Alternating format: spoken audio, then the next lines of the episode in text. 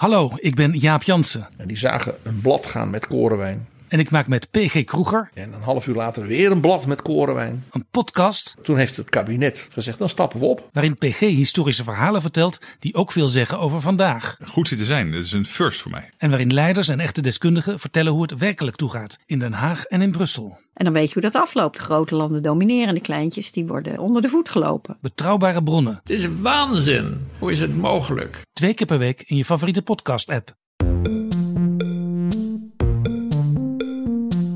Hallo daar, fijn dat je luistert naar Boeken FM, de literaire podcast van Dasmag en de Groene Amsterdammer. Wij nemen op in de studio van Dag en Nacht Media. Wil je nou nooit meer een aflevering van ons missen? Abonneer je dan nu in je eigen podcast-app en geef ons ook vooral een heleboel sterren en recensies. Dan zijn we ook zichtbaarder voor anderen die ons misschien willen luisteren. Heb je een vraag voor ons of ben je heel erg boos, vooral op Joost? Stuur dan een mail naar boekenfm.dasmag.nl. En we zijn tegenwoordig ook te vinden op Instagram, boekenfm. Heb jij, heb jij een schrijfritueel, Joost? Nee, ik zit nu te denken. Ik heb wel, ja, het enige wat ik kan bedenken is, maar dat is meer zo, dat doe ik ook wel niet, maar vaak de laatste tijd ook wel. Het is meer zo'n teken dat je dan van, oké, nu wordt het serieuze business. Dan doe ik mijn tuigje aan. Hallo allemaal en welkom bij Boeken FM, de literaire podcast van tijdschrift De Groene Amsterdammer en uitgeverij Das Mag. Ik zit hier met mijn favoriete mensen Ellen Dekwiets en Joost Vries en Merel Borst, onze producer. Jee, Charlotte. Welkom allemaal. Wat mij deze week heeft bezig gehouden met pijn in mijn hart zijn de lange rijen op Schiphol. Toen dacht ik, wat is nou een groot voordeel aan de hele dag op Schiphol doorbrengen? Is dat je daar een boek kunt aanschaffen dat er stellig ligt. Namelijk De Alchemist van Paulo Coelho. Maar voordat we het daarover gaan hebben, wil ik een leuke aankondiging eh, aan jullie Superleuke aankondiging. mededelen. Vandaag is het 8 juni. En dat betekent dat de early bird verkoop van het Dasmag Festival vandaag van start gaat. Woep, woep. Dus eh, als jullie nu allemaal een kaartje kopen, dan kunnen jullie ons komen beluisteren. Merel, op welke dag is dat festival? Het festival is op 2 september en onze leesclub is op 8 uur. En je kunt dus vandaag een kaartje kopen vanaf 11 uur in de early bird verkoop. En In de ochtend dan- 11 uur? In de ochtend 11 uur. En dan kun je voor 24 uur heb je de tijd om een early bird ticket te kopen voor 25 euro. En op 11 juni gaat dan de eh, reguliere verkoop van start. Ben jij er eigenlijk ook bij, Merel? Natuurlijk. Yes! Ik ben er Maar altijd bij. Weten als je- mensen wel dat we in het echt heel erg tegenvallen? Dat we eigenlijk gewoon soort van schuwe Jezus, Joost, hondenwoners speak for zijn. Die yourself. gewoon eigenlijk... zeggen, Ellen is echt een podiumbeest. What the fuck, Joost? Ik daarentegen ga onder het podium zitten als een souffleur. Goed, als jullie meekomen naar ons festival luisteren, dan kunnen jullie eh, ook een boek toegestuurd krijgen. Namelijk het boek dat we gaan bespreken van Banana Yoshimoto. En dat heet Kitchen. Eh, Joost is er heel erg fan van, de rest heeft het nog niet gelezen. Dus eh, dan lezen jullie dat met ons mee voor de eerste keer. En wat we denk ik ook bij moeten zeggen van, ken je nou... Want het is een beetje zo'n gek ding. Want vroeger heeft Dasmag heel veel leesclubjes, festivals gehad. Dat was dan echt iedereen die zeg maar onder de 30 was en seks wilde, ging dan naar die feestjes toe.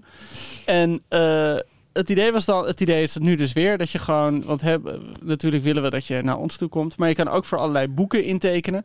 En dan krijg je dus voor 30 euro, 25 piek, wat is het als je early bird bent, 25, krijg je het boek opgestuurd. En dan is er dus een leesclubje en dat wordt geleid door een schrijver, meestal of een dichter. En die is dan in gesprek met die schrijver en dichter van wie je net het boek hebt gelezen. En dan hopen we altijd maar dat je het boek ook leuk vindt, anders krijg je hele awkward gesprekken. Maar dan kun je wel met z'n allen heel leuk praten over het boek en hoe het gemaakt is en wat je er allemaal van vindt. Dus het is ook. En daarna is dus een groot feest. Ja, het is dus ook inhoudelijk interessant, lieve luisteraars. En daarna ja, is er waarschijnlijk seks, toch? Eh, de grote kans is, ik bedoel, we kunnen het niet garanderen. Nee, je kan het niet bij dat ligt echt aan je opeisen. instelling Ehm, ja, je hebt het, ligt ook deels aan jezelf en je houding. en je houding en gewoon je afkomst Of en je familie hebt. en zo, of je schurft hebt, wordt op geselecteerd. We verloten Joost onder de mensen die een kaartje kopen in de Early Bird Special. Oké jongens, we gaan het nu over de Alchemist hebben. De alchemist. Ja, het was een beetje mijn schuld dat we de alchemist gingen doen. Want volgens mij, kijk, ik bedoel, of, of dat is eigenlijk de schuld van Merel. Merel is een soort van... Wat? Ik vind schuld zo'n groot woord. Ja, oké. Schuld en boete? schuld niet- ja, schuld en boete. Luister, het is gewoon een gevolg van Merels commerciële hart. Dat als een trommel in de borst slaat en alleen maar tegen ons zegt... Jongens, ik wil meer luisteraars. Ik wil dat er meer mensen op ons klikken. Ja. En een van de Zo makkelijk om dit op mij af te schuiven, en, En jouw ijskoude gebeurt, Is dat we dan af en toe tegen elkaar zeggen... Oké, maar we moeten een boek doen dat iedereen heeft gelezen. Of dat iedereen kent. Ehm, en toen zat ik bij mezelf daarover na te denken. En ik ben afgelopen jaar ben ik bij heel veel open huizen geweest, omdat ik op zoek was naar een huis. En dat is heerlijk, want dan kom je in Amsterdam allemaal huizen binnen waar je anders nooit zou komen. En dat betekent dus ook dat je er allemaal van die boekenkasten heen kan struinen waar je anders nooit mag zien. En dan kan je heel goed zien wat de, de gemiddelde Nederlander echt leest. En wat je dan bij heel veel ziet, bij heel veel boekenkasten, die hebben van die, van die billies die ergens of half weggestopt zijn, of juist veel te pontificaal. Van die boeken van mensen die twee keer per jaar een boek lezen als ze op vakantie zijn. En dan altijd het boek kopen dat dat seizoen populair is. Dus Bonita Avenue en De Prooi van Jeroen Smit. En eh, Het zijn net mensen van eh, Joris Luijendijk. Hendrik Groen? Hendrik Groen. Ja, zeker veel Hendrik Groens kom je tegen. De biografie van Steve Jobs. De biografie van Steve Jobs. Heel goed, dat soort dingen. En ehm, een van de boeken die er altijd standaard bij zit, is De Alchemist van, ik denk dat we uitspreken Paulo Coelho. Ja, wie in het Portugees is hier goed? Wie, wie in Portugees is hier? Nee. Ik denk dat Ellen nog wel zou kunnen bluffen als ze in Brazilië Ellen was. Gewoon, Ja. Die heeft toch die, die donkere gloed dat- over zich heen. Nou ja, het bewust met dat ik een pistool op iemands hoofd zet en mijn zin krijg. Dus niet zozeer dat door mijn overredingskracht komt. En het, het Paulo Coelho eh, staat erbij. Ja, dat, dat- die, daar ga je bijna van huilen. Van zijn boeken zijn wereldwijd meer dan 320 miljoen exemplaren verkocht. En De Alchemist is uitgekomen eind jaren 80. eh, is in Brazilië, hij is Braziliaans. Is toen langzaam over de wereld gaan zwerven, al die vertalingen. En inmiddels is het gewoon een boek dat, waarvan er ook in Nederland ruim 550.000 exemplaren zijn verkocht. In de wereld 85 miljoen exemplaren van dit boek. Dus dit is nou echt een van die romans die je ja, overal in elke eh, winkel, in- op elk vliegveld eh, tegenkomt. En waar gaat het dan over, Joost? Nou, ik ben blij dat je me dat vraagt. Eh, het gaat over Santiago, een herdersjongen. En Santiago leeft in Spanje en hij zorgt voor herders uiteraard. Schapen, denk schapen. ik toch? Over hij, ja, hij is herder, Ja. hij zorgt voor schapen. Maar je hebt ook mensen die voor herders zorgen. hè? Ja, nee, dat zijn herder, herder. gewoon- ja, eh, eh, Jezus Christus, de herder van mensen. Ja, ja. En degene Of de die... visser van en, mensen. en, en nee, hij vist wel de mensen. En dan is God de Vader weer de herder van de herder van de herder. Oh, love that. love that. Ja. Enfin, Santiago ligt te slapen. En meerdere ach- nachten achter elkaar droomt hij van hetzelfde. En hij droomt van de, piramide, eh, de piramides in Egypte. En hij droomt dat hij daar een schat zal vinden. En ondertussen is hij gewoon lekker met zijn schapen aan het viben. Dan gaat ze naar een dorpje toe en dan moet het dorp geschapen worden. En dan woont een, een mooi meisje. En dan denkt hij, oké, ik ga de schapen super mooi scheren. En dan kan zien hoe goed ik ben. Eh, en nou, dan wordt. Ja, ik bedoel, zo ging dat ooit. Het speelt zich een beetje in een soort niet gedefinieerd tijdperk af. Dat, Maar dan- is, dat is niet waar, Joost. Het is na de Eerste Wereldoorlog. Er is plastic op een gegeven moment. Ja, er is wel plastic en er zijn ook wel dingen die... Zijn die- Duitsers. maar het is, het is niet heel concreet. Maar gewoon inderdaad, ja. Ik dacht dat het opzettelijk inderdaad in het midden was gehouden wanneer dit zich afspeelt. Zodat het meer een sprookje kon zijn. Ja, want er zitten heel veel sprookjeselementen in. Want wat gebeurt er? Hij komt eerst een zigeuneres... eh, of een, een, een zigeuner, Joost. zigeuner voorspel waarzegster vrouw. En die zegt, je gaat die schat vinden. Die schat waar je van gedroomd hebt, je gaat hem vinden. En daarna spreekt hij een koning. Met een gouden Met borstplaat. een gouden borstplaat. Die had je ongetwijfeld wel rondlopen. Ik bedoel, na de Eerste Wereldoorlog heel veel koningshuizen zijn omgevallen. Nou Dus ja, ergens zwer- zwierf, zwierf, in, in, in, de, in de Bijbel heb je de fariseërs die ook een soort van half, niet echt zieners, maar een duidersfunctie hadden. En die hadden ook borstplaten met edelstenen erop. En er zijn heel veel cameo's van Bijbelpersonages hierin komen later op. Terug naar jou, Joost. Ja, dus deze koning, laten we vanuit gaan dat het een soort afgezette Habsburger is na de Eerste Wereldoorlog. zegt tegen Die hem, niet was afgeknald, ja. ja, zegt tegen hem, je moet je droom achterna. Ja, volg je hart. Volg je hart. Het gaat veel over het hart. En dan denkt hij, oké, ik leef me één keer. En hij verkoopt, eh, hij krijgt van die koning twee stenen.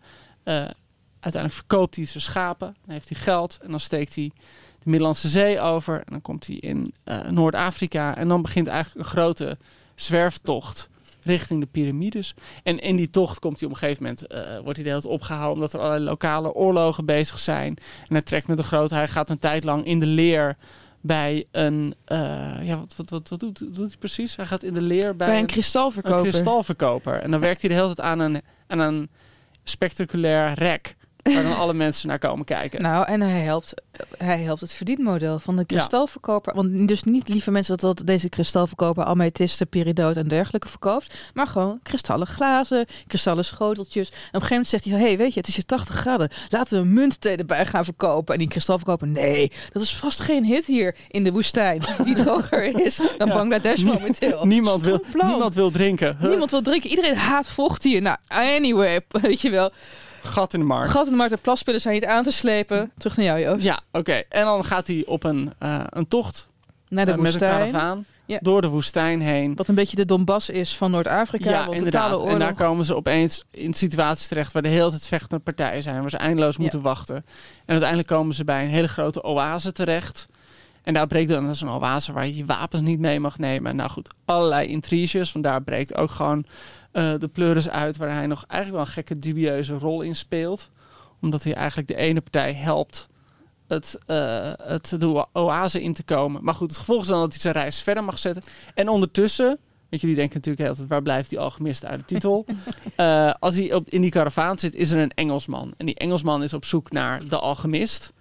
En die zoekt die alchemist. En een alchemist is natuurlijk van oudsher een soort ja, eh, eh, wijze geleerde. Vanuit de middeleeuwen was dat vaak die, waarvan het idee dan was dat ze lood of ijzer in goud konden veranderen. Willekeurig metaal inderdaad in Ja. goud. En de steen der wijze. En de steen der wijze. Waardoor je eeuwig leeft. En die Engelsman kent deze alchemist uit de boeken en die heeft de wetenschap achter alchemie heel erg bestudeerd. En onze Santiago, die heeft helemaal niks aan boeken, die observeert gewoon de natuur en de mens. Oh, Santiago leest heel veel. Hè? Daar Ja. wordt de hele tijd mee. Het is onduidelijk wat hij leest. Dat is boek. Ja, romans. Nou, dat is wel mooi beschreven. Dat hij gewoon elke keer een boek leest en dan gaat hij naar eh, een dorpje en dan ruilt hij dat boek weer voor een ander boek. Dus hij is zo iemand die continu. Het is een enorm social climber, deze jongen. maar wetenschapsteksten inhoudelijk- kan hij niks mee. Inhoudelijk heb je geen idee wat voor boeken het zijn. Hè? Op een gegeven moment wil hij wel een dikker boek, zodat hij het beter als hoofdkussen kan gebruiken. Ja. Oké, nou in ieder geval, in die, eh, hij ontmoet eigenlijk twee mensen tijdens de tocht op een gegeven moment. De eerste is dus het alchemist. Dat is gewoon een wijze man op een paard met een valk. Eh, De, nacht, de nachtmerrie van elke sperwer. ja, inderdaad. De nachtmerrie van Eversper. En tegelijkertijd ontmoet hij Fatima. Nou, Fatima. Ja? Een heel mooi meisje. Het wonder van Fatima? Het wonder van Fatima. En eh, nou, daar gaat hij helemaal voor. Vertel, gaan we straks ook nog meer over praten, denk ik. Ik, ik neem ons nu gewoon mee door het, het, het- in galopvaart eh, door dit avontuur. En uiteindelijk gaan ze dus inderdaad weer verder de woestijn in met de alchemist inmiddels. De alchemist begint hem allemaal lessen te leren over wat is nou je ziel, wat is je hart, wat is liefde. eh, welke kracht heb je in je? En langzaam maar zeker begint hij in een kleine alchemist zelf te veranderen. En ik zal niet nu verklappen wat hij doet, maar hij doet iets heel spectaculairs, waardoor een enorme legermacht heel erg van hem onder de indruk is. En dan uiteindelijk nadert hij de piramiden. En meer vertel ik niet. Want dan Nee, dan spoilen het. Ja. Maar de uiteindelijke boodschap van het boek is dat alles wat je zoekt al in je zit. Eh, Nou, nee. Als, ja, nee. Als je echt iets heel graag wil. En als je echt bereid bent om te luisteren naar de legende die in je zit. En die droom te volgen. Dan zal het hele universum samenspannen. Zodat het jouw droom helemaal uitkomt. ja. Althans, dat is de wijsheid die ik uit dit boek heb gehaald. Dat is ook letterlijk de wijsheid. Die, er zit een voorwoord bij die echt eh, wat, wat he- heel, heel grappig is. Eh, en dan zegt hij inderdaad letterlijk, de alchemist zeg ik dat als je het wil, het hele universum samenspant om je te helpen. Ik moest heel erg denken aan de term, komen jullie die ook wel eens tegen op social media, manifesteren. Ja. ja, ja. en eigenlijk is Dat dit komt gewoon allemaal een, boek, hiervan. een soort van voorloper van I manifested, manifested my boyfriend, wat dan altijd van die influencers zeggen. En dat als je iets maar genoeg... Het is ook een beetje wat Oprah Winfrey heel erg had met The Secret. Weet jullie dat nog? Dat was Ja. zo'n idee dat als je maar gewoon de hele tijd ergens aan denkt... dan vult je aura zich ermee. En dat de energie in het universum voelt dat aan. En als een magneet trek je het dan aan. Ja, Eh, manifesteren heeft ook heel veel te maken met doen alsof het al zo is. Dus je schrijft echt zo op van... Ik heb een vriendje, ik ben heel rijk. eh, weet ik veel. En het Tasmag Festival wordt heel leuk. En dan is het al zo. Snap je? Ja. En dan hoeft het alleen nog maar te gebeuren. Ja, ja dat als je, als je in je hoofd er al bent, dan volgt de wereld. Ja. Oprah heeft hem trouwens geïnterviewd heel uitgebreid. Eh eh, Paulo Coelho. Ja, ze hebben blijkbaar zijn ze toch een soort zielsverwanten. Ja, maar dat geloof ik helemaal. Maar het is ook echt de grappig als je dan als je dan de quotes ziet die op het boek staan, die zijn dan van Madonna en van Obama. Will en, Smith. eh, ja, Oprah Winfrey op de achterkant. Will Smith. Hij is inderdaad volgens mij op het Witte Huis geweest bij Madonna. eh, Bill Clinton. Ik las dus als Maradona. Maar ja, is, misschien heeft gekund. Maradona het ook wel gelezen. En het, het grappige is met het succes van het boek, eh, dat beschrijft hij ook wel uitvoerig. Het kwam uit in Brazilië, was eigenlijk niemand in geïnteresseerd. Uitgeverij gaf het op. En toen mocht hij bij een andere uitgeverij uitbrengen. En toen begon het een beetje te lopen. En toen kwam een Engelse vertaling. Nou, daar was niemand in geïnteresseerd. Maar een hele tijd begon het ook een beetje te lopen. Dus het begon zo eind jaren 80 mondjesmaat. En toen begin jaren 90 was opeens de hele wereld Paulo Coelho aan het lezen. Maar dat vind ik zo moeilijk om te begrijpen in de tijdsgeest. Want je zou denken dat al die fascinatie voor mystiek een stuk eerder was. Grappig dat je... dat- Mag ik daar wat over Ja, dan mag je wel Paulo. Coelho was hippie. Die, is, die heeft ook heel veel met drugs geëxperimenteerd. Die heeft... eh, Of ze lekker waren, heeft hij geëxperimenteerd. Ja, je moet toch een mening kunnen Ja, vormen. En dat moet het eigen ervaring zijn. En op een zeker moment belandde hij in de muziekindustrie. En daar verdiende hij heel veel geld. En daar was hij ook op een gegeven moment klaar mee. Toen ging hij het Santiago de Compostela pad lopen in Spanje. En toen heeft hij een openbaring gehad. Oh, Ja, daarom heet die jongen ook Santiago. ik denk het wel. Ik denk het wel. Oh. Ik denk het wel. En ehm eh, eh, Paulo Coelho, die, die dacht dus van... Ik moet, een boek, eh, ik moet een boek schrijven wat eigenlijk over mij gaat... waar andere mensen iets aan hebben. En daar heeft hij het in het voorwoord onder andere over. Dat staat hij bijvoorbeeld hier. Ik verloor nooit het geloof in het boek. En daarmee bedoelt hij de alchemist toen het in het eerste jaar van zijn bestaan eigenlijk een beetje flopte. En ik wankelde ook nooit in mijn overtuiging. En waarom niet? Omdat ik met dat zelf was. Omdat ik met hart en ziel in dat boek zat. Nou ja, dat is, dat is gewoon dat is, eh, dat, dat, dat is een soort zelfvertrouwen wat je eigenlijk alleen bij Louis van Gaal zit. En Louis van Gaal is awesome. En dan lezen we verderop in dit voorwoord. Mensen vragen me voortdurend of, het, voortdurend of ik wist dat de alchemist zo'n succes zou hebben. Het antwoord is nee. Ik had geen flauw idee. Hoe kon ik ook? Toen ik aan het boek begon, wist ik alleen maar dat ik over mijn ziel wilde schrijven. Ik wilde schrijven over de zoektocht naar mijn schat. Ik wilde voortekens voor, volgen, want ik wist toen al dat voortekens de taal van God zijn. En omdat dit een succes is geworden, heeft Paulo Coelho dus die voortekens goed gelezen. Dat is altijd fijn als dat dan je eigen voorspelling uitkomt. Ja, Achteraf. leuk hè? Ja. Ja, Ja, maar daar gaat het natuurlijk niet echt over, toch? Want de strijders in het boek, die aanvaarden ook hun dood of zo. Het is niet alleen maar rijkdom en, en welvaart. Nee, maar het is wat wel je- de ander die sterft en niet de hoofdpersoon die, die leidt. Nee, is het is, het is Santiago, eh, dat is de term die hij had gebruikt, gelooft in zijn legende.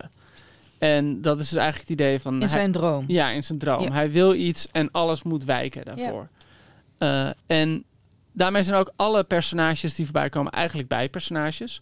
Want ze staan allemaal in dienst, maar dat is denk ik ook hè, eh, manifesteren. En ze staan allemaal in dienst van zijn legende. Ze zijn allemaal ondersteunend om hem of de juiste drempel op te werpen waar hij dan mansmoedig overheen kan klimmen. Of eh, ze zijn net eventjes die lieve glimlach die hem net iets harder laat lopen. Ja, dat vind ik trouwens heel, ik vind het ook heel interessant, want je blijft nadenken over dit boek. Je gaat ook denken van, wat zou de legende zijn van bijvoorbeeld Fatima, het meisje dat hij tegenkomt? Of wat is, wat is de legende van de Engelsman? Het staat er letterlijk in wat haar, wat haar missie is of haar doel in het leven. wachten op hè? een man. Wachten op een man. Ja, Wacht ja, een man, ja, ja, vind ik gewoon heel ja. mooi. En weet je, weet je wat, wat ik... Wat ik er, er- Zij is gewoon uitgespeeld. zij is, ja, maar, maar Zoals is wat, Ze is gewoon 16. vroeg rijp. Ze is vroeg rijp. En wat er ook in staat, dat, dat zegt Paulo Coelho ook in het voorwoord. Eh, ik her- zegt hij, ik herlees de Alchemist regelmatig. En elke keer heb ik weer hetzelfde gevoel als toen ik het schreef. En wat voel ik? Geluk omdat het alles over mij en tegelijkertijd over u zegt. Geluk ook omdat ik weet dat ik nooit alleen kan zijn. Waar ik ook ben, begrijpen mensen mij. Ze begrijpen mijn ziel. En dat vind ik gewoon prachtig. Dat je legende dit is. Hij heeft gewoon... Hij, heeft, hij is maakbaarheid ten top. Heeft die droom geleefd. En omdat hij voelde dit zijn authentieke droom was, heeft het hele universum hem geholpen deze droom te verwezenlijken. Zelfs als mijn buurman mijn geloof of politieke overtuiging niet begrijpt, kan hij toch mijn verhaal begrijpen. En als hij mijn verhaal begrijpt, is hij nooit te ver van mij verwijderd. Ik kan altijd een brug slaan. Er is altijd kans op verzoening. De kans dat we op een dag samen rond de tafel zitten en een einde maken aan al onze conflicten. Ja, dus Zelensky, ik zou zeggen, Ja, Lees Zelensky, je call. Ja. We hadden eigenlijk ze gewoon hierbij in de podcast moeten hebben. Ja, maar hij kon niet. Maar hij kon Ik weet niet waarom. Nee, nee. Wat, wat ik dus zat te denken bij de alchemist, die had op een gegeven moment in de jaren, eind jaren 60 begon dat. In de jaren 70 en 80 was dat heel dominant. Opeens ontdekte Latijns-Amerika, literair gezien, zijn stem. En die stem was magisch realisme. En de grote voorman was op dat moment Gabriel Garcia Marquez. Nee, je vergeet Borges even. Hè? Ja, Die Borg, natuurlijk ja, Borg, decennia ja oké. Borges zat ja. ervoor. Maar, eh, en Borges, gek genoeg moest ik wel vaker aan eh, Borges denken. Geweldige, unieke schrijver. Ja, fantastische Eh, ook altijd van die halve sprookjes, half bibliografische speurtochten. Nou, heel, heel bijzonder. Maar in de jaren 60, eind jaren 60, eh, maar vooral de jaren 70, toen had je Garcia Marquez met 100 jaar eenzaamheid en liefde in tijden van cholera. En in zijn nasleep een hele berg andere uh, Latijns-Amerikaanse schrijvers die met ja, magisch-realistische verhalen doorbraken. Van die verhalen die dan vaak wel geworteld waren in de echte maatschappij, maar waarin het ook heel normaal was dat, dat er geesten binnenkwamen lopen. En uh, zeg maar, als, als Garcia Marquez daar de meest literaire vorm van is, dan is denk ik de meest gepopulariseerde uh, Het Huis van de Geesten van Isabel Allende. Isabel Allende. En dus op gek genoeg dacht ik van, god, moet ik het boek een beetje in die nasleep zien? Dat het zo populair was of dat het de wereld overging. Nee, Joost, dat denk ik namelijk niet. Ik, denk, ik denk dat het absoluut geen magisch realisme is, want er zit geen realisme in. Het is een sprookje. nee, maar dat, dat, is niet ja, lullig, maar het is een sprookje. En daarom is het ook heel aantrekkelijk. Ik had af en toe ook best wel een brief aan de koning vibes bij dit boek en zo. En je wil het ook, ik wilde het ook echt uitlezen. Ik was, ik was oprecht benieuwd hoe het verder ging. Maar ik denk dat er meer aan de hand is hier. En dat hangt met twee dingen samen. Het tijdstip waarop dit boek uitkwam en de dingen die ik uh, heb ontdekt over Paulo Coelho. Spionwit is even aan het naslaan geraakt. Eerst eerst eventjes over de tijd waarin deze roman is verschenen. 1988. Het werd rond 1989 werd in Brazilië een beetje succes. Begin jaren 90 door de hele wereld heen. En ik moest heel erg denken aan bepaalde elementen in dit boek. Die draaien om je eigen lot pakken. Om maakbaarheid van de wereld. Maar ook um, in uh, het uit laten komen van je dromen. Als je maar zelf genoeg gelooft. Dus eigenlijk is het de American Dream. Ja. Maar dan in South America. Uh, er is een hele, hele, hele grote rol weggelegd voor geld en handel in dit boek om op pad te kunnen, moet hij die schapen verhandelen. Hij loopt heel erg na te denken over hoe die investering uitpakt. Wanneer hij in die kristalwinkel zit, ja. gaat hij kijken hoe winst uitpakt. Als op een gegeven moment de alchemist die levert hem uit aan een soort van ja, een soort, een soort uh, Wagner-groep, maar dan uh, in Egypte. En die zegt van ja, hier heb je, hier, ik geef even je goud aan hem weg, want zo kun je jezelf je leven weer gaan terugkopen. Het is heel erg geld en winst gedreven. Um, daarin is het enerzijds bijbels. Als je het Oude Testament bekijkt, uh, ook heel vaak moest je denken aan het verhaal met Jacob en Laban. La Jacob die, die zeven jaar moest werken voor een of andere kutzak voor hij met zijn dochter moest trouwen, kon trouwen. En toen oh, trouwde hij met de dochter. Toen ging haar sluier omhoog. Was de verkeerde dochter. Moest hij weer zeven jaar werken voor die kutzak. Gewoon ergste werkgever ooit. Um, er staat letterlijk in het boek op pagina 51 geld is magisch.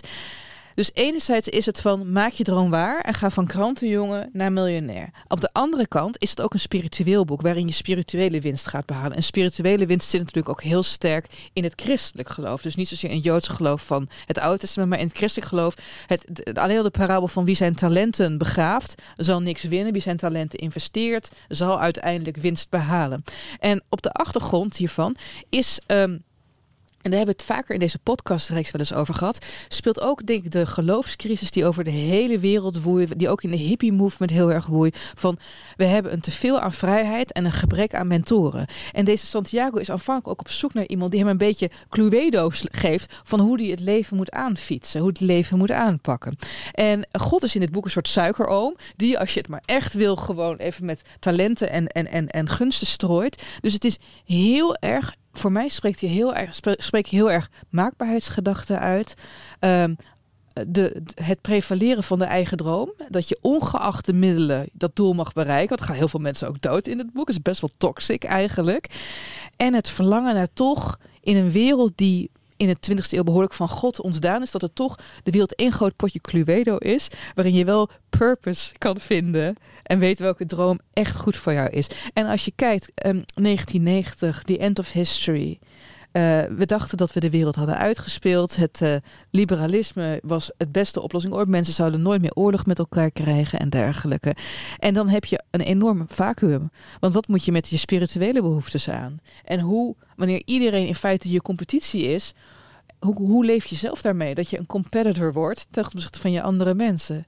Jullie kijken me nu nee, ik, aan. Nee, ik vind het een hele goede analyse. En, um, dus, dus, en, en, en nu, nu komen we op twee, wat ik over Paulo Coelho heb geleerd. Mag ik eerst nog een vraag stellen over deel 1? Ja. Um, is net als met It. Deel 1 is, weet je wel, dan ben je ja. vraag, ja. Oké, okay, dus we, we, komen aan bij de jaren 90. We hebben ja. geen geloof meer. eh, we geloven alleen nog in geld. Veel mensen, hè? Dus, dus het werd vooral in de westerse wereld een succes. Natuurlijk in Zuid-Amerika was, eh, nou ja, dat was wel een ding toen nog het geloof. Dus, eh, en, en het christelijk geloof wordt ook expliciet genoemd Ja. hierin, best wel vaak. Ehm, maar waar hij eigenlijk nog meer in gelooft, is een soort holistisch, spiritueel idee van we zijn allemaal, we komen allemaal uit één materiaal of zo. We zijn allemaal eh, uitverkoren en inderdaad alles is één, maar dat is een mysterie volgens het boek. En eh, dat, de, de- die, die, die enorme focus op deze Santiago weerspreekt ook een beetje het idee dat alles één is. Nou ja, dat vroeg ik me dus Iedereen moet wachten af. op hem. En het, het, het, het woestijnvolk dat Ja. hij ontmoet, dat is ook eh, heel anders dan hij. En zij Ja. geloven ook weer in een andere god. Het zijn rare moren, dat wordt ergens gezegd. Ja. Ja. Eh, Ja, maar het klopt ook wel wat je zegt over. Er zit zo'n iets heel neoliberaals in. Dat als Ja. je maar hard genoeg werkt, Ja. dan komt het altijd goed. En Dan is, ge- dan is de wereld gewoon te klein voor je. Dan kan je alles. Dan kan je alles. Het is, het, eh, eh, er wordt geen rekening gehouden met dingen als ableism. Dus weet je wel, als Santiago geen benen had gehad, dan was het toch een ander verhaal geworden. Dat hij syndromen moeten aanpassen op zijn lichamelijke gebreken. En dan komen we op wat ik heb ontdekt in mijn eh, research over Paulo Coelho. Is dit deel 2? ja, dit is deel twee. Dit is deel Zijn jullie klaar voor? ja. Ja, zijn jullie klaar voor? Ja, Paulo Coelho die, eh, die heeft een bewogen leven gehad. Heeft bij de Jesuiten op school gezeten. Ik denk dat daardoor dus ook al die bijbelse verwijzingen Oh, erin ja, zijn gekomen. Hij is een tijd opgenomen geweest. Zijn ouders hebben hem laten opnemen. Dat moet ontzettend verdrietig zijn geweest. En hij heeft, voordat hij ging schrijven... en voordat hij dus naar Santiago de Compostela ging... Zat hij, was hij best wel een bobo in de Zuid-Amerikaanse muziekwereld. En hij is in der tijd... Dat, dat, dat valt zelfs op zijn Wikipedia te lezen. En op Wikipedia, als er dingen richting smaad of laster zijn...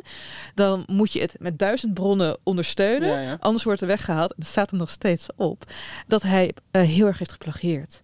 Binnen de muziek, met het liedjes. Dat hij Europese liedjes heeft omgekit en doorverkocht naar het Amer- Zuid-Amerikaanse publiek. En toen ik dit, dat las, ging ik met een nieuwe blik kijken naar dit boek. En wat doet hij? Hij heeft ontzettend veel Oosterse filosofie Ja, gewoon omgekeerd en doorverkocht. Ik, ik, ik, ik zie, eh, er is, een- er is, er is een...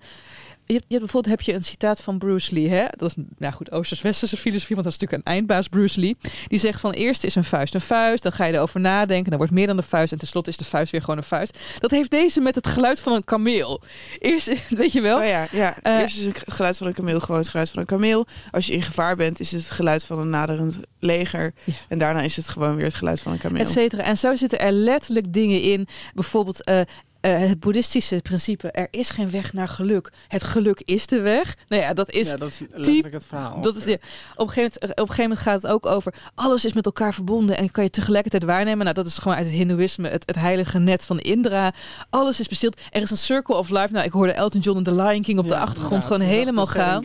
Zag je al. Precies, precies, precies, de precies. opkomen. De wereld is, is bezield en eh, veilig. En op een gegeven moment heb ik in mijn kantlijn het volgende woord opgeschreven. Dit boek bestaat eigenlijk uit wereldreligie pitchin. Dus gewoon de grootste hits, weet je, de one-liners, de beste adviezen, heeft hij gewoon hier als wijsheid verkocht. Niet de bron genoemd, maar als zijn eigen wijsheid verkocht in dit boek.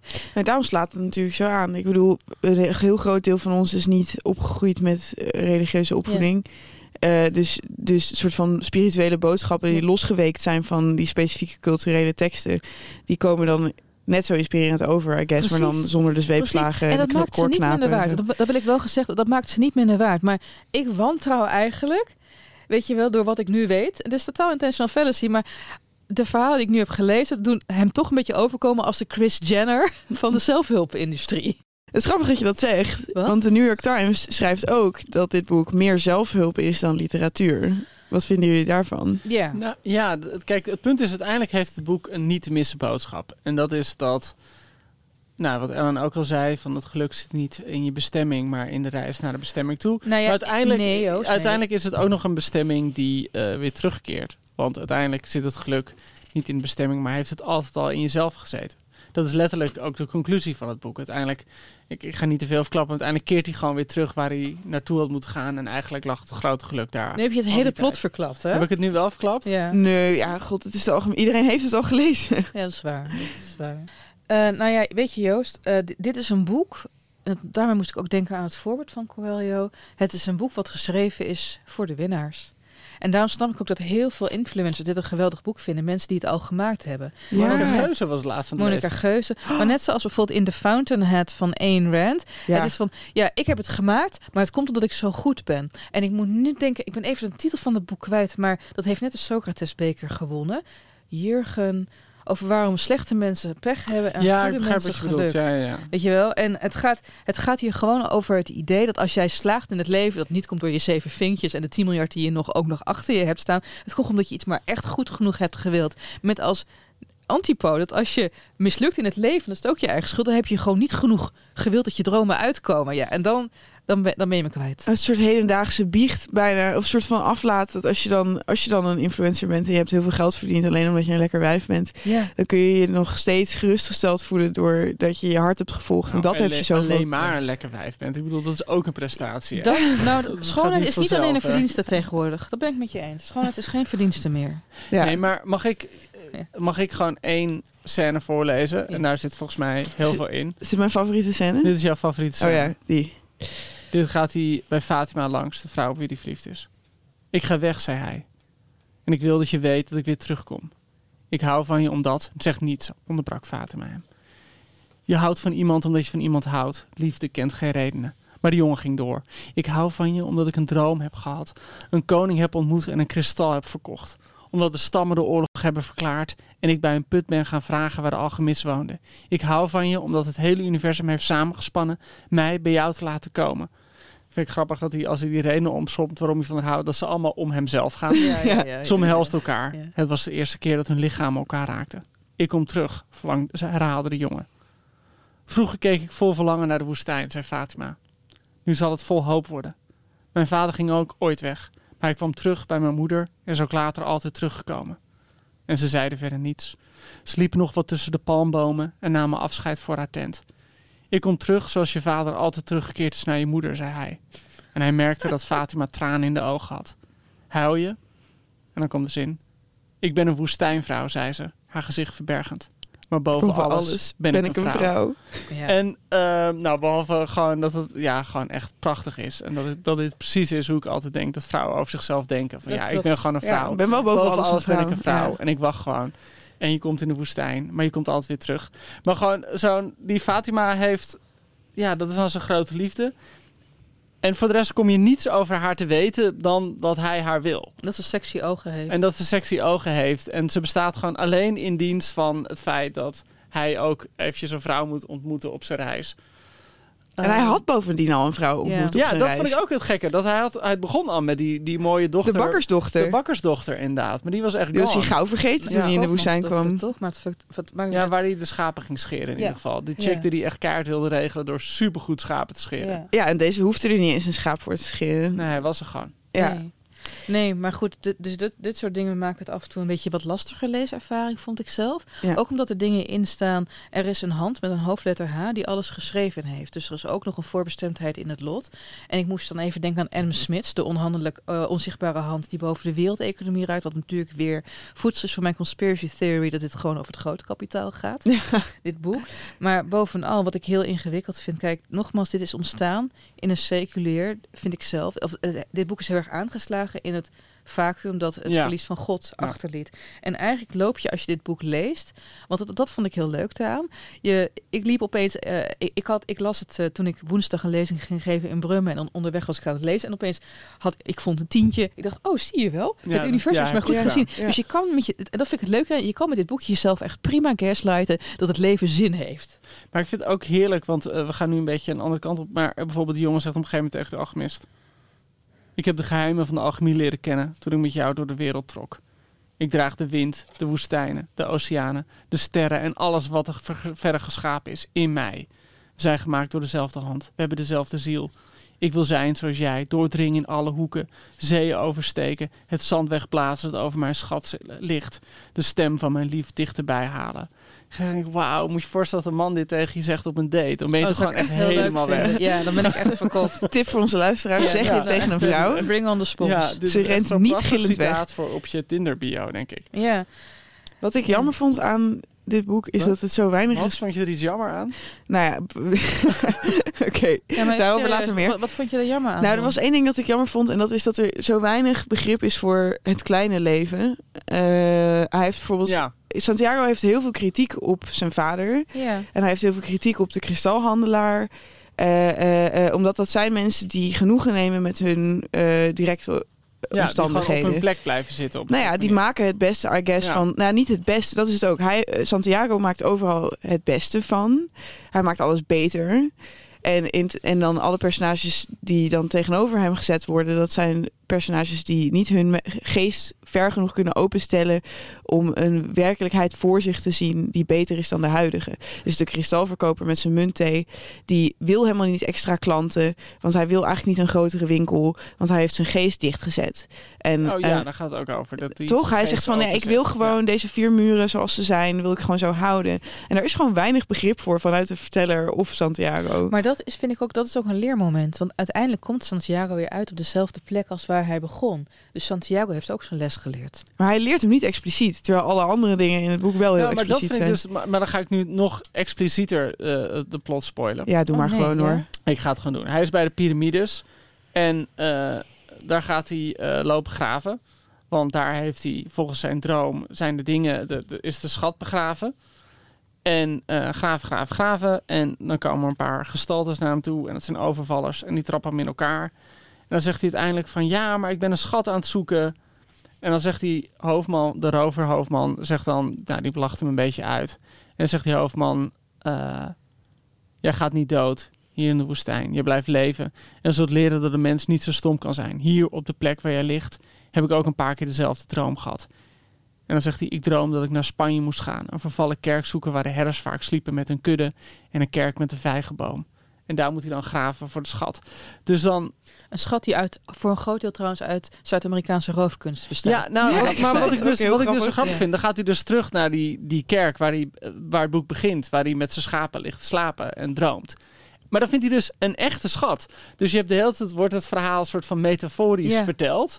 Maar uiteindelijk gaat het gewoon om een emmer goud. Dat was ik ook compleet over ik vond het, ik vond het Ja. heel, heel merkwaardig. En vooral omdat het overal, als je het gaat googlen, wordt het overal beschreven als een allegorisch verhaal. Ja, maar uiteindelijk is het dus is Helemaal het gewoon, geen Uiteindelijk gaat het om klinkende munt. Ja. Ja. Ja. Grappig, ja. Maar of was het ook een allegorie? Ik, nam, ik dacht gewoon van, Oh. misschien, je weet wel, Dat is de meta hoor. Een dubbele allegorie. Oh, is dat. nee. Nou ja, het goud Ja. is een metafoor voor hè, wat hij uiteindelijk terugkrijgt door terug te keren op zijn geboorteplaats of zo. Of de plek waar hij begonnen is. Ja, maar eigenlijk ondermijnt dit het hele idee van de, be- de reis is belangrijker dan de bestemming. Want de bestemming is gewoon Een pot goud. Ja, Ja. waar Ja. hij op zoek naar is. Ja. Ja, en Fatima dan, denk- dacht ik ook. ja, maar hij kun je nog wel terug naar Ja, Fatima. dat is letterlijk de laatste zin. Ik kom? Fatima en je denkt echt run, Ja. run. Tegen hem of tegen Fatima? Tegen Fatima. Ja, ja. ik ook. Ik weet niet dat, Nee, maar hij, dat, is hij, zo- dat hij een leuke partner is. ja. Oké, maar eh, eh, eh, heeft het zin om een onderscheid te maken tussen eh, dit boek, dat dan heel erg als een zelfhulpboek beschreven zou Ja. kunnen worden, en andere romans die in zekere zin ook houvast geven wat het leven betreft? Ja, dat, dat, ik denk dat dat zin heeft. Waarom? Omdat ehm, daar, daar, je, je zegt al met het woord roman, dit is een sprookje. En daar bedoel ik niks denigrerends mee. Maar bij een roman is het zo dat je door mee te leven met de personages... Ja. of je in te leven in de dilemma's waar zij voor worden gesteld... zelf ook iets leert. En bij dit boek moet je het gewoon aannemen. De, Ja, de adviezen moet je aannemen. Precies, Ja. Dat is precies wat ik zelf zat te denken. Van, we zijn eh, door de, door de, door de jaren heen en alle duizenden, de honderden, talloze, veel te veel boeken die we gelezen hebben. Er komen altijd van die scènes tegen en, en verhalen kom je tegen. Waardoor je gewoon iets leert over jezelf. Omdat je opeens wordt uitgedaagd ergens over na te denken waar je anders misschien niet over hebt nagedacht. Of dat je gewoon iets spiegelt aan wat je zelf hebt meegemaakt. Dat je denkt van, oh wauw, dit had ik ook kunnen doen, dit had ik ook kunnen zeggen. Zou het anders kunnen zijn? En dus dat, dat zijn boeken waar je oprecht iets van leert. Maar dat is gewoon een bijgevolg van het boek. En hier is, heeft de schrijver het omgedraaid. Die heeft gewoon gedacht, ik ga jou een les leren. Ja. Ja. En ik ga dus mijn hele boek naar die les toe. En ja, dat werkt dus op een hele andere manier. Om Ja. niet te zeggen, dat werkt gewoon niet.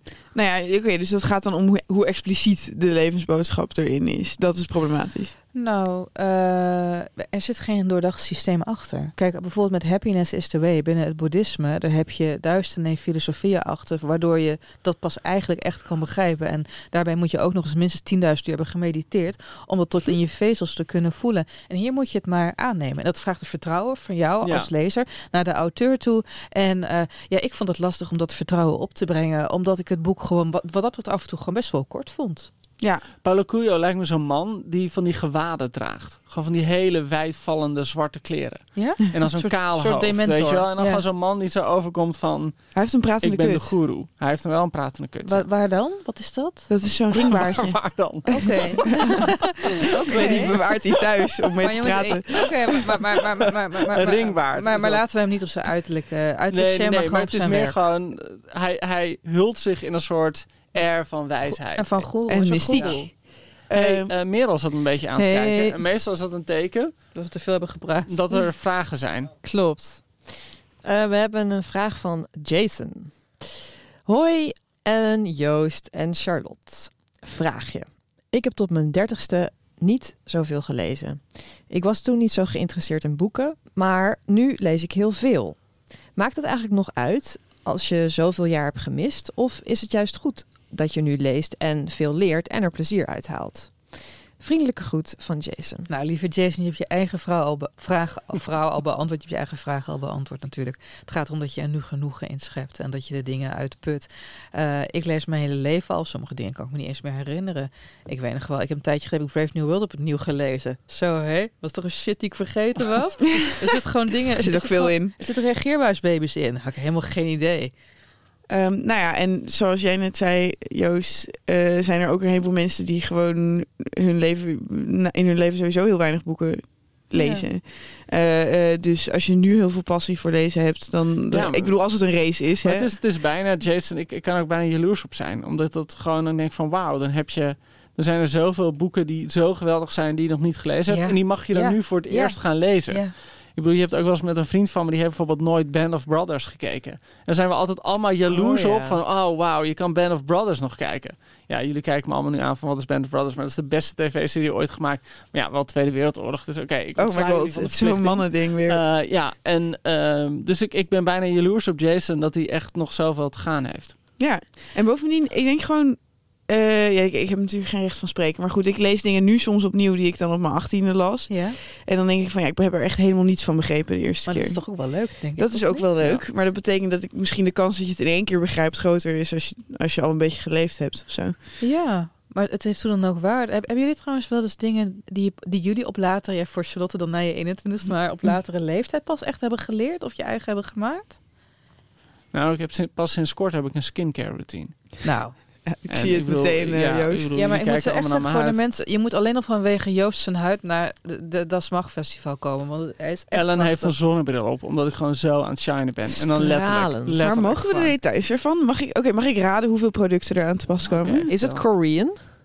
Ik Oh, ga gokken op vier producten, waarvan er eentje van La Roche-Posay. Ik zal je vast één tipje geven. Bergamot. Oh. Bergamot, het materiaal, het spul. Ja, gewoon. gewoon, ja, al mijn kleren en mijn lakens raken gewoon naar bergamotolie. Oh, maar is Ja, het een soort het- Ayurvedische skincare Nou, nee, nee, het is gewoon, ik begin gewoon eerst met een cleanser. Jongens, ik begin gewoon met een cleanser. van Na de cleanser komt de toner. Na de Oh toner. Holy shit, gebruik jij een toner? Ik gebruik toner. En eigenlijk, jongens, de toner is het belangrijkst. Dat is echt wat ik geleerd heb. Ik heb met de mensen erover gepraat in de winkel. Toner, je denkt, wat is het? Het is gewoon een soort raar Nee, het is een water. primer. Het is Maar wel oh mijn god, de toner, niet, die ja. pakt alles. Ja, ja. En daarna dan nog gewoon een beetje hydraterende kern. En, En gewoon na het scheren natuurlijk. Gewoon Maar, oh, maar ik heb een belangrijke vraag voor jou in een recent internetdebat dat weer eens de kop heeft opgestoken. Gebruik jij zonnebrandcrème Ja. elke dag oh jee. op je gezicht? Willen we echt deze nooit. discussie... eh, Nee. Je hebt, maar je hebt echt een fantastische huid, Joost? Ja, maar jij gaat wel in één klap heel oud worden. nee, dat weet ik niet. Ik, ben, ik heb meer het idee dat ik zo'n jonge, zo'n man ben die er heel lang, zeg maar, jong uitziet. En dan zeg maar tot en met eind 50 gewoon zo van, ah, dat is zo'n jongensachtige jongen. En dan opeens in zo'n twee jaar tijd zo verandert in een oude vrouw. Weet je, dat is gewoon wat je met... Zoals met- Hugh Grant. Zo'n ja, zo'n Ja. Hugh Grant of een Wim Kieft, weet je. Opeens is het zo'n gesmolten kaars. Ja. En eh, dus daar ga ik eigenlijk voor. Maar dit heb jij dus na je dertigste geleerd? Dit heb ik geleerd, Wat heb jij na je 21ste geleerd, Charlotte? Waar ben jij een laadbloeier in? Ik ben best wel een. Ik, ik had altijd heel erg binnenzitterige bijbaantjes. Ik heb nu sinds kort voor het eerst mijn echte eerste echte baantje. ik werk namelijk nu in een boekwinkel. Dus ik heb nu voor het eerst klanten. Dus dingen zijn echt helemaal nieuw voor mij. en ik leer nu allemaal dingen zeggen zoals eh, fijne dag nog. Oh. en je moet mensen aankijken, of niet? Ja, dat vind ik wel Ja, lastig. dat is wel ik lastig. echt heel Ja. moeilijk om heel veel oogcontact te maken Ja, de hele tijd. En kan je vertellen, mannen die naar de boekwinkel komen, die willen een heleboel oogcontact met je maken. Ja, die willen een hele, ja. Ja. ik heb ook jaren in een boekenwinkel gestaan. Die Zo, wat willen die allemaal veel kwijt over Ja, zichzelf? en Ze heel zijn heel kwijt. tevreden over zichzelf dat ze een boek kopen. Ja, ja, Dus Ja, die hebben zoiets ja. van, hey dames, hallo, ik ben een boek aan het kopen. Ja. What's up? Ja, en bij Atheneum hebben ze in het kader van de verjonging hebben ze nu een heleboel jonge vrouwen achter de kassa zitten. Dat is echt, een, e- echt expliciet een doel geweest van, eh, van de nieuwe directeur. Ook gewoon zodat er meer jonge mensen dan naar de winkel komen. Maar dat betekent wel dat er juist een heleboel oude mannen heel lang blijven hangen bij de kassa.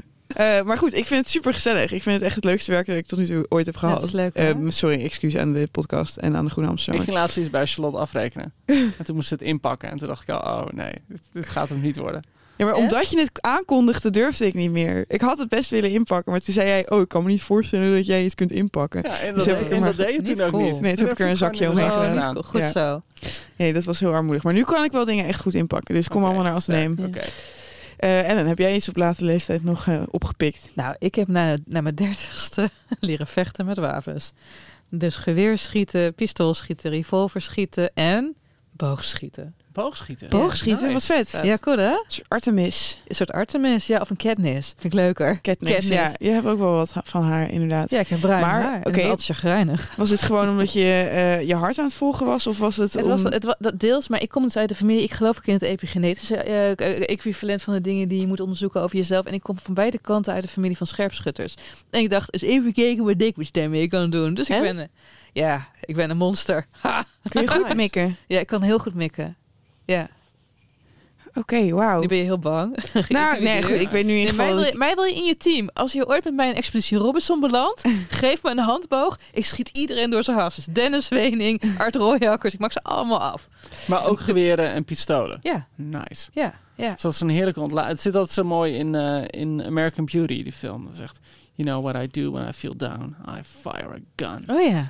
ja. Oh, god. ik dit is wel beetje gevoelig nu ja, Ik misschien. heb nog geen wapenvergunning, maar Nee. eh, ja, ik kan het redelijk goed. Als we ooit, als de apocalyps, hè, dan ga ik voor jullie konijntjes schieten. Ik was toen een keer in, eh, in Las Vegas Of op zo, een ja. gun range. Oh ja. En toen ging ik schieten met een pistool. En toen ging ik op een gegeven moment ook meeschreeuwen met het schieten. Toen ging ik gewoon zo bam, bam, bam, bam, bam. Nee. Wow, Oh, ja. waar was dit vraag voor? Ik was gewoon lekker aan het schieten. Ja. Oh, dit is weer zo'n hobby waarvan ik denk... Weet wel, wie heeft hem nou? Net als, weet ik veel, hardlopen of eh, dat soort Wie dingen. heeft hem nou? Hardlopen. Wat schieten? Nou ja, Hardlopen is gewoon... wel iets dat iedereen doet ongeveer, Nee, ja, toch? goed. Ik ken geen mensen die hardlopen. Maar eh, eh, eh, eh, wat ik ook wel eens hoor is dat mensen dan als ze sporten aan het ondernemen zijn of andere soorten hobby's, is dat ze dan minder tijd hebben om te lezen. En ik dacht, wat is daar nou echt een goede oplossing voor? Oh. En toen had ik het met jou erover, Joost. Nou ja, je bedoelt dus eigenlijk wat je zou willen is dat je, eh, terwijl je iets aan het doen bent, je ook een boek tot je kan nemen. Ja, ja nou, dat- kijk, ik zit te denken aan de vraag die we net kregen van, van Jason. Hij heeft wel veel in te halen nu ook. Ja, nou ja, ja, goed, kijk, ik bedoel, ik kan voorstellen als je gewoon de hele dag eh, die tekst tot je, tot je lekker tot je, tot je, je, je kopie binnen wil laten dringen. eh, en je kan eigenlijk niet wachten om te lezen. Er zijn natuurlijk hele goede mogelijkheden voor om dat te doen. En eentje is bijvoorbeeld BookBeat. Kennen jullie BookBeat? Nee, wat is dat? BookBeat komt uit Zweden. En we weten, jongens, alles uit Zweden is geweldig. Ikea, Ikea, vaderschapsverlof. vaderschapsverlof, smorgas, eh fika. Eh, dat zijn die hapjes. ik denk dat dat lekker is. Komt Volvo uit Zweden? Nou ja, oké, jongens. niet veel reclame Melodiefestival. maken. Maar in ieder geval, BookBeat komt uit Zweden. En het mooie van BookBeat is een digitale abonnementsdienst die toegang biedt tot meer dan 500.000 luisterboeken en e-books. Wow. En deze download of stream je direct in onze app Shit. In onze app? Oké, oké, oké. Jullie snappen gewoon. eh, het is gewoon heel leuk. We hebben een sponsor en dat is BookBeat. En het toffe Dank van BookBeat BookBeat. is Fijn. Ja. een digitale abonnementsdienst waar je gewoon alle boeken die je kunt krijgen tot je kunt nemen. Maar dit is vet handig, want ik heb, ik, heb, ik heb serieus zo vaak dat ik op vakantie mijn e-reader uit heb gelezen. Dat ik denk van, ja, eh, hoe kom ik nou aan extra... Ja, of dat je op vakantie bent en dat je denkt, shit, ik had toch net dit boek mee willen nemen. ja, ja. Ik ben als er eindeloos stapels aan het maken van wat ik meeneem en wat ik niet meeneem. ja. En dan komt altijd zo'n moment dat je dan te, over, te ijverig bent geweest en een of ander veel te ingewikkeld boek mee hebt genomen. Dat je denkt, shit, had ik nu maar gewoon ja. dit boek. En dan is zoiets als BookBeat natuurlijk wel echt heerlijk. En het grappige is, eh, het is ja, en een super makkelijke manier om luisterboeken en e-books tot je te nemen. Je betaalt een vast bedrag per maand. Nou, dat is iets van 8 piek of zo. En het voordeel is, het is al niet veel geld. Maar als je nu naar www www.bookbeat.nl toe gaat en neemt een van onze abonnementen, krijg je en een maand gratis. Maar wat je dan ook moet doen, en dit, dit, ja, ik vind dit wel een beetje lekker. Ja, Ik wat vind, ja, ik vind het Ja, wel een wat- beetje lekker. wat? Ik weet niet hoe jij ervan voelt, Ellen, maar Oh. volgens mij vind jij dit ook wel een beetje lekker. Ik, oh. Dan kunnen onze lezers de kortingscode BoekenFM intoetsen. Nee! Boeken FM. Zijn wij een boek? Zijn wij een kortingcode? Je leest één keer zijn- de alchemist en je wordt influencer. Oh my god, wij zijn gewoon, dus. we zijn eindelijk ongelooflijk. Wij zijn, ik ben toch wel heel trots op ons dat we met Boeken FM een kortingscode zijn geworden. Ja, ik ook. Oké, nou jongens, eh, eh, eh, eh, word abonnee. Ja, word abonnee. Probeer het gewoon. Eh, volgens mij krijg je er echt geen spijt, eh, spijt van. Je kan het op al je apparaten luisteren eh, via Android, eh, Apple CarPlay, Apple Watch, Chromecast. Wow. Nou ja, gewoon Lekker. lekker, lekker, boeken luisteren. En Nice. waar moeten ze naartoe als ze dit willen doen? Nou, ik zal het nog een keer voor je zeggen, want ik zie dat jij niet kan wachten. Naar www.bookbeat.nl. Oké. En dan. B-E-A-T of Oh B-I-E-T? Ja, nee, het is B-O-O, Ja? boek, Ja? en dan beat, B-E-A-T. Top. Bookbeat. Ja, ik, ik had hierover een collega dacht van, is het rap? Gaat het rappen over boeken? Is dit iets waar Charlotte dan in haar hippe meisjesrubriek in de Volkskrant over gaat schrijven? van jongens, ze zijn top eh, rap, eh, boekenrappers. Nee, het is gewoon bookbeat.nl. Mijn hippe meisjes Oké. dat is misogyn. Ik moet nog even een rectificatie maken over wat wij net hebben verteld over het Dasmag Festival. Oh, Onze leesclub, jawel beste luisteraar, is zelfs ietsje goedkoper Oh. dan de andere leesclubs. Wat, waarom? Omdat hij juist meer waard is. Omdat hij juist Oh, ja. meer waard is. Hè? Dus wauw, dit vind ik mooi eh, geformuleerd. 17,50. Oh, En ook handig om te weten, het vindt dus plaats in Amsterdam. En onze leesclub vindt plaats in OT 301. En daar is ook het feest. waar is daarna. OT 301? Dus als je flink wil Eh, komen de- indrinken. Volgens mij op de Overtoom. Oh ja, Nummer de 301. Overtoom 301 of niet? Vermoedelijk. Ja, ja, Wat ja. leuk. En je kunt dus eh, ook goed om te weten, je kaartje, die kun je kopen op dasmag.nl slash festival. Leuk. Dankjewel, Merel. Merel. Alsjeblieft. Oké, maar jongens, eh, ik heb nog een vraag van Roos. En Roos die vraagt zich af, ik ben benieuwd, hebben jullie een schrijfritueel? En zo ja, wat houdt die dan in? Mag ik hem doen? Shoot. Shoot. Eh hi Roos, elke ochtend eh, ontwaak ik en, en dan eh, ontkurk ik een fles Pepsi Max serieus, een liter. Echt waar? Nee. Bij je ontbijt? Op de nuchtere maag. Oh mijn god. John Diddy deed het met Coca-Cola. ja, hè? ja, ja, oké. En sigaretten. En sigaretten, ja, dat, ik heb dus op het internet gelezen dat sigaretten slecht voor je zijn. Wat? Geloof ik nee. niet. Nee, ik vond het echt nepnieuws. Op ik vond korte het termijn of conspiracy. lange termijn? Is de linkse pers. Nou, Oh. ja, ja, precies. Ik Dat vond het gewoon echt een linkse leugens. Maar ik ben er dus toch mee gestopt. Want je, je weet het niet zeker. En ehm, eh, ja, het, het kan natuurlijk echt zo zijn dat er iets in zit. Het ruikt niet altijd lekker. Dus ik dacht nee. Maar goed, tegenwoordig dus een fles Pepsi Max, laptop aan en ik ga gewoon rammen. En ik kijk wel wat er komt. En het is gewoon de eerste 10 minuten lukraak rammen. Dat is mijn eerste schrijfritueel. En het tweede is er gewoon voor gaan zitten midden op de dag.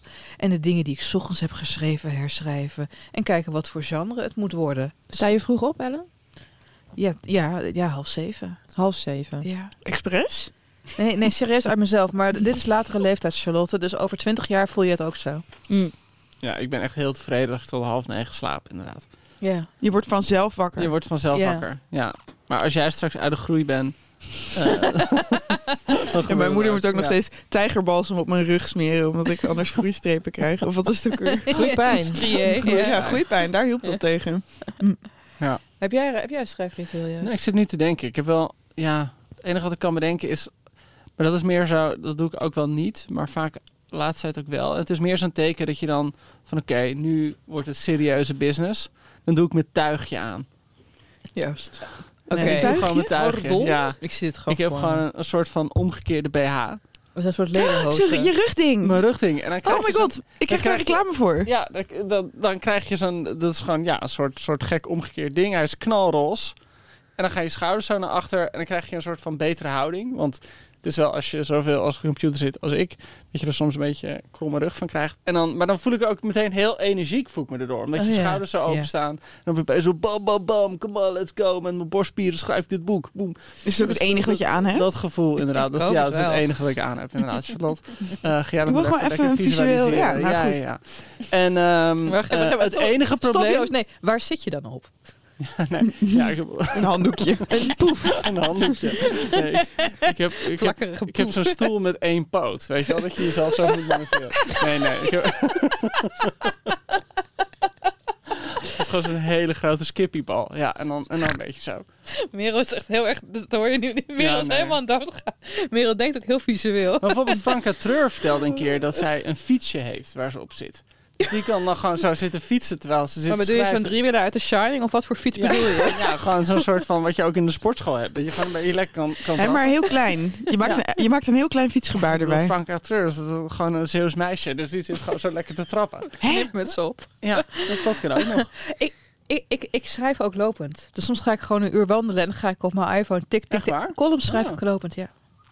Op je iPhone? Ja. Dat is ook weinig romantisch. Je ziet iets voor je met een ganzenveer of zo. Ja, ik verkoop het natuurlijk wel. Die wie luistert deze podcast. Nou, ik verkoop het wel als ik gewoon weet je wel met een, met een glas kinder, kinderbloed en bij een kaars ligt. Gewoon met een ganzenveer en daar mijn column schrijf. Maar Kinderbloed. Je hebt ook wel iets Cleopatrisch. ja, Die, die baden toch in eh, de urine van jongetjes? nee, Ezelinnemelk. En, Oh ja. en Elisabeth Bathory baden in maagdenbloed. Er gaat wel een... een eh, ik ben eventjes vergeten hoe de naam van Cleopatra in het Grieks is. Maar dat is een verbastering Ans. voor... de- zij die gaapt voor duizend mannen. Gapen. Gaapt voor duizend mannen. Noemen we dat Oh. zo tegenwoordig? Nee, nee, sorry. Dit was een eh, orale seks eh, metafoor. Want dat is Oh. ook een gerucht dat ze zich baden in... eh, Sperma. in sperma. Dat was het woord wat ik niet wilde Zij die gebruiken. graapt maar voor duizend sperma. mannen. Ik vond het echt fabulous klinken. Dat is heel cool. Totaal Dat lesbi. klinkt- ja. Totaal saffies dit. Ja. Sorry, tot zover. Heb jij een schrijfritueel, Charlotte? Nee, nog niet. Ik, heb, ik schrijf er ik niet vaak genoeg voor. Oké. Ik eh, wacht tot ik drie dagen voorbij de deadline ben. en dan sta ik om vijf uur 's ochtends op. Hyperventilerend. Ja. Ja, eerst in een kussen schreeuwen. Ja, het is, ik, ik kan wel echt alleen heel vroeg 's ochtends werken. Maar dat is dus wel het onderhevige dwang moet ik mezelf dan wakker maken. Want als ik geen wekker zet, dan word ik gewoon twee uur 's middags wakker. Oh, ik ben jaloers. Echt heel jaloers. Oh, dat lijkt me zo maar wat- Oké, maar sorry. Het is misschien... Is het omdat jullie moeten plassen of zo? Nee, maar, nee, nee, maar Charlotte, Nee. luister. Dit is echt nachtmerrie, maar dit is gewoon old age. Ik kon vroeger ook een gat in de dag slapen. Maar tegenwoordig, ik kan niet eens meer op een slaappil doorslapen. Het is gewoon mijn Maar lichaam. het is ook omdat je gewoon gewend bent dat je afspraken hebt en dat je sowieso gewoon eerder moet opstaan. Ik sta soms ook eerder op. En dit gaat, bedoel, iedereen weet het ongeveer heel wel dat ik chronisch depressief ben. Maar soms heb ik zoveel levenslol en zin in de dag dat ik ook gewoon niet meer kan blijven liggen. Ik denk van ik, weet, yes! ik weet nog dat ik studeerde, dat ik op een gegeven moment eh, zo twee maanden tussen twee blokken in had. Op een of andere manier een stage was afgelopen. En voordat mijn volgende blok lessen, eh, colleges begon, had ik twee maanden tijd. En dat dan echt zo twee maanden was dat allemaal mensen op reis gingen of... eh, of, of gewoon eh, een of ander project deden of heel veel geld verdienen door ergens gaan winnen. We hebben gewoon twee maanden lang geslapen. Dat ik gewoon echt zo elke dag naar bed ging en dan om twee uur 's middags opstond. En dat ik dan dacht van oké, ik ga eh, zo postzegels kopen en boodschappen. En dat dan alleen boodschappen lukte. Weet je wel? Dat je gewoon zo. Dus die fase dat je gewoon niet op kan houden met slapen, die heb ik wel zeker maar dit, meegemaakt. dit, dit, is ook dep- dit kan ook depressie zijn. nou, hè? ik had het volgens mij echt prima. ik kan me dat niet helemaal voorstellen bij Nee, dat was Joost. niet echt, dat was geen depressie. Nee. Ah. Zo'n zonnige man mee. Ja, nee, ik zat gewoon lekker. Je had gewoon twee months of total relaxation. Ja, gewoon eh, two months of eh, peace and quiet. Oh ja. Wat lekker lijkt me dat. Jongens, moeten we Dit terug doe ik naar overigens niet? Coelho. Ja. Ja. Oké, ja, we gaan terug naar Paulo Coelho. Ik denk dat het tijd is voor ons om een beoordeling te geven. Ik vind het moeilijk om dit boek één op één een cijfer te geven. Want we zijn je natuurlijk... moeilijk? Nou, omdat we zijn toch wel een beetje ingegaan met het idee van... eh, eh, dit is niet iets wat per se onze interesse meteen Nee, het wekt. is meer dat je we moeten gewoon benieuwd iets... bent naar zo'n boek om te begrijpen waar het Ja, mega succes Dus ik vind het is. moeilijk om het soort van na wormmaan te bespreken. Van Ja. alsof, het, alsof, het, alsof we het echt op de literaire kwaliteit dat, aan dat het hebben we niet gedaan. bekijken zijn. Dat, Ik vind het interessant dat we ernaar hebben gekeken op niveau van... oké, wat voor boodschap is het nou echt? Ik vind het, het is ook heel grappig dat dat zo ontzettend neoliberaal is. Dat was mij niet meteen opgevallen, maar dat is het inderdaad. Ehm, dus als ik dan een cijfer moet geven... weet ik niet zo goed waar ik, moet beginnen, waar ik het op moet becijferen, zeg maar. Laat ik het zo zeggen. Hè? Als ik zeg, oh, dit boek is hyper intelligent als het gaat om inspelen op behoeftes en markt. Hyper intelligent. En een groot applaus daarvoor. En ik heb hier vannacht over nalopen denken, want ik slaap toch niet zoals jullie weten. En ik wil wat dat betreft een 11,5 geven. Elf en een half. Ja, nou, ik, ik, mijn reactie op het boek is dat ik het boek gewoon heel dankbaar ben. En het boek heeft me heel veel dingen laten doen die ik anders misschien niet gedaan had. Bijvoorbeeld eh, dat ik dacht van ja, ik kan dit boek nu gaan lezen. Maar ja, ik kan ook gewoon de gootsteen ontstoppen. en toen ben ik de gootsteen ontstoppen. ik dacht van ik kan dit boek gaan lezen, maar ik kan ook gewoon nog een rondje Slotenplas rennen. Ben ik nog eens een rondje Slotenplas gaan. Dus ik heb er op een of andere manier heeft dit boek me geïnspireerd om heel veel dingen te doen die ik anders echt niet had gedaan. En daar ben ik Paulo Coelho heel dankbaar voor. Dus wat geef je voor cijfer? Ook een 11,5. Charlotte. Eh, Oké, wacht. Wat moet ik nu geven zodat we er een 10 uithalen? Reken eens uit. Dan Een moet je de zeven. 9, dan moet je Een het 8,5 7,5. geven. Nou, dan geef ik het een 8,5. Of 7,5, je hebt gelijk. Ja, Een ja. 7,5. Ja. Oké, laten we uitrekenen wat er dan uitkomt. En, en maar dit hebben we dus niet even luisteraars op de literaire merites, maar gewoon op het effect van dit boek op ons. Ja, maar ik bedoel, wat voor mening kunnen we nog toevoegen aan een boek waar 85 miljoen exemplaren van zijn verkocht? Ik bedoel, we kunnen het boek kut vinden, maar hij heeft gewoon 85 miljoen exemplaren verkocht. Ik bedoel, dit is gewoon de winnaar. De markt regeert. Ja, Ja, inderdaad. Wij dat zijn gewoon de slaven van de markt. Dat is wel, maar dat, dat, dat, is, dat is het slimme ook. Het boek gaat over succes hebben. Het heeft succes. Wie zijn wij om er iets over te zeggen? Ja, en Dus, eh, eh, ja, ik heb gewoon hartstikke goed alle wc's schoongemaakt. Omdat ik dan niet het boek hoef te lezen. Dus gewoon uiteindelijk is mijn huis ook gewoon de winnaar. Ja. Oké jongens, en jullie zijn Wil jij ook nog de iets meer... zeggen, Merel? Ja, ik wil eigenlijk even afsluiten met een quote uit het voorwoord vat, eh, van eh Coelho. ja. Waarin hij eigenlijk gewoon eh, ja, alles zegt waar, waar het om gaat. Dat is namelijk, ik herlees de Alchemist regelmatig. En elke keer weer heb ik hetzelfde gevoel als toen ik het schreef. En wat voel ik? Geluk. Omdat het alles over mij en tegelijkertijd over u zegt. Ja, Ja, zo fijn. Dat hij en ik zijn dezelfde persoon. Merel, luister je überhaupt naar wat ik zeg? Ik heb het een half uur geleden Oh, als gequote. Precies hetzelfde. Je Ja, luistert niet ja. naar Nee, maar het, is goed, het mij. hele boek is hetzelfde. Dus. Ja, dat is oké, maar Ik ben bezig met de techniek, hè? ja, dat is waar. Laat, laat het er maar in zitten. Laat het, het is leuk. Ja. Het is leuk. Het is leuk. Het is leuk. Dus eh, ja, jongens, wat een winnaar die man. Oké, eh, bedankt allemaal voor het luisteren. We Ja, zien jullie bedankt. over twee weken. Eh, eh, koop allemaal kaartjes voor het Tasmag Festival. Ja, ga allemaal naar bookbeat.nl. En eh, onze inbox staat nog steeds open voor suggesties. Want we gaan eh, oh ja, we zijn ook nog binnenkort... steeds bezig te- dat mensen kunnen stemmen op welk boek we moeten Precies, we gaan binnenkort een van jullie eh, aanraders gaan we lezen. Dus eh, denk nog even goed na welk boek je aan ons zou willen aanraden. We gooien hem op Insta. Dus Ja, volg op Insta. op Insta. En eh, jongens, love you. See you later, kids. Alles is één.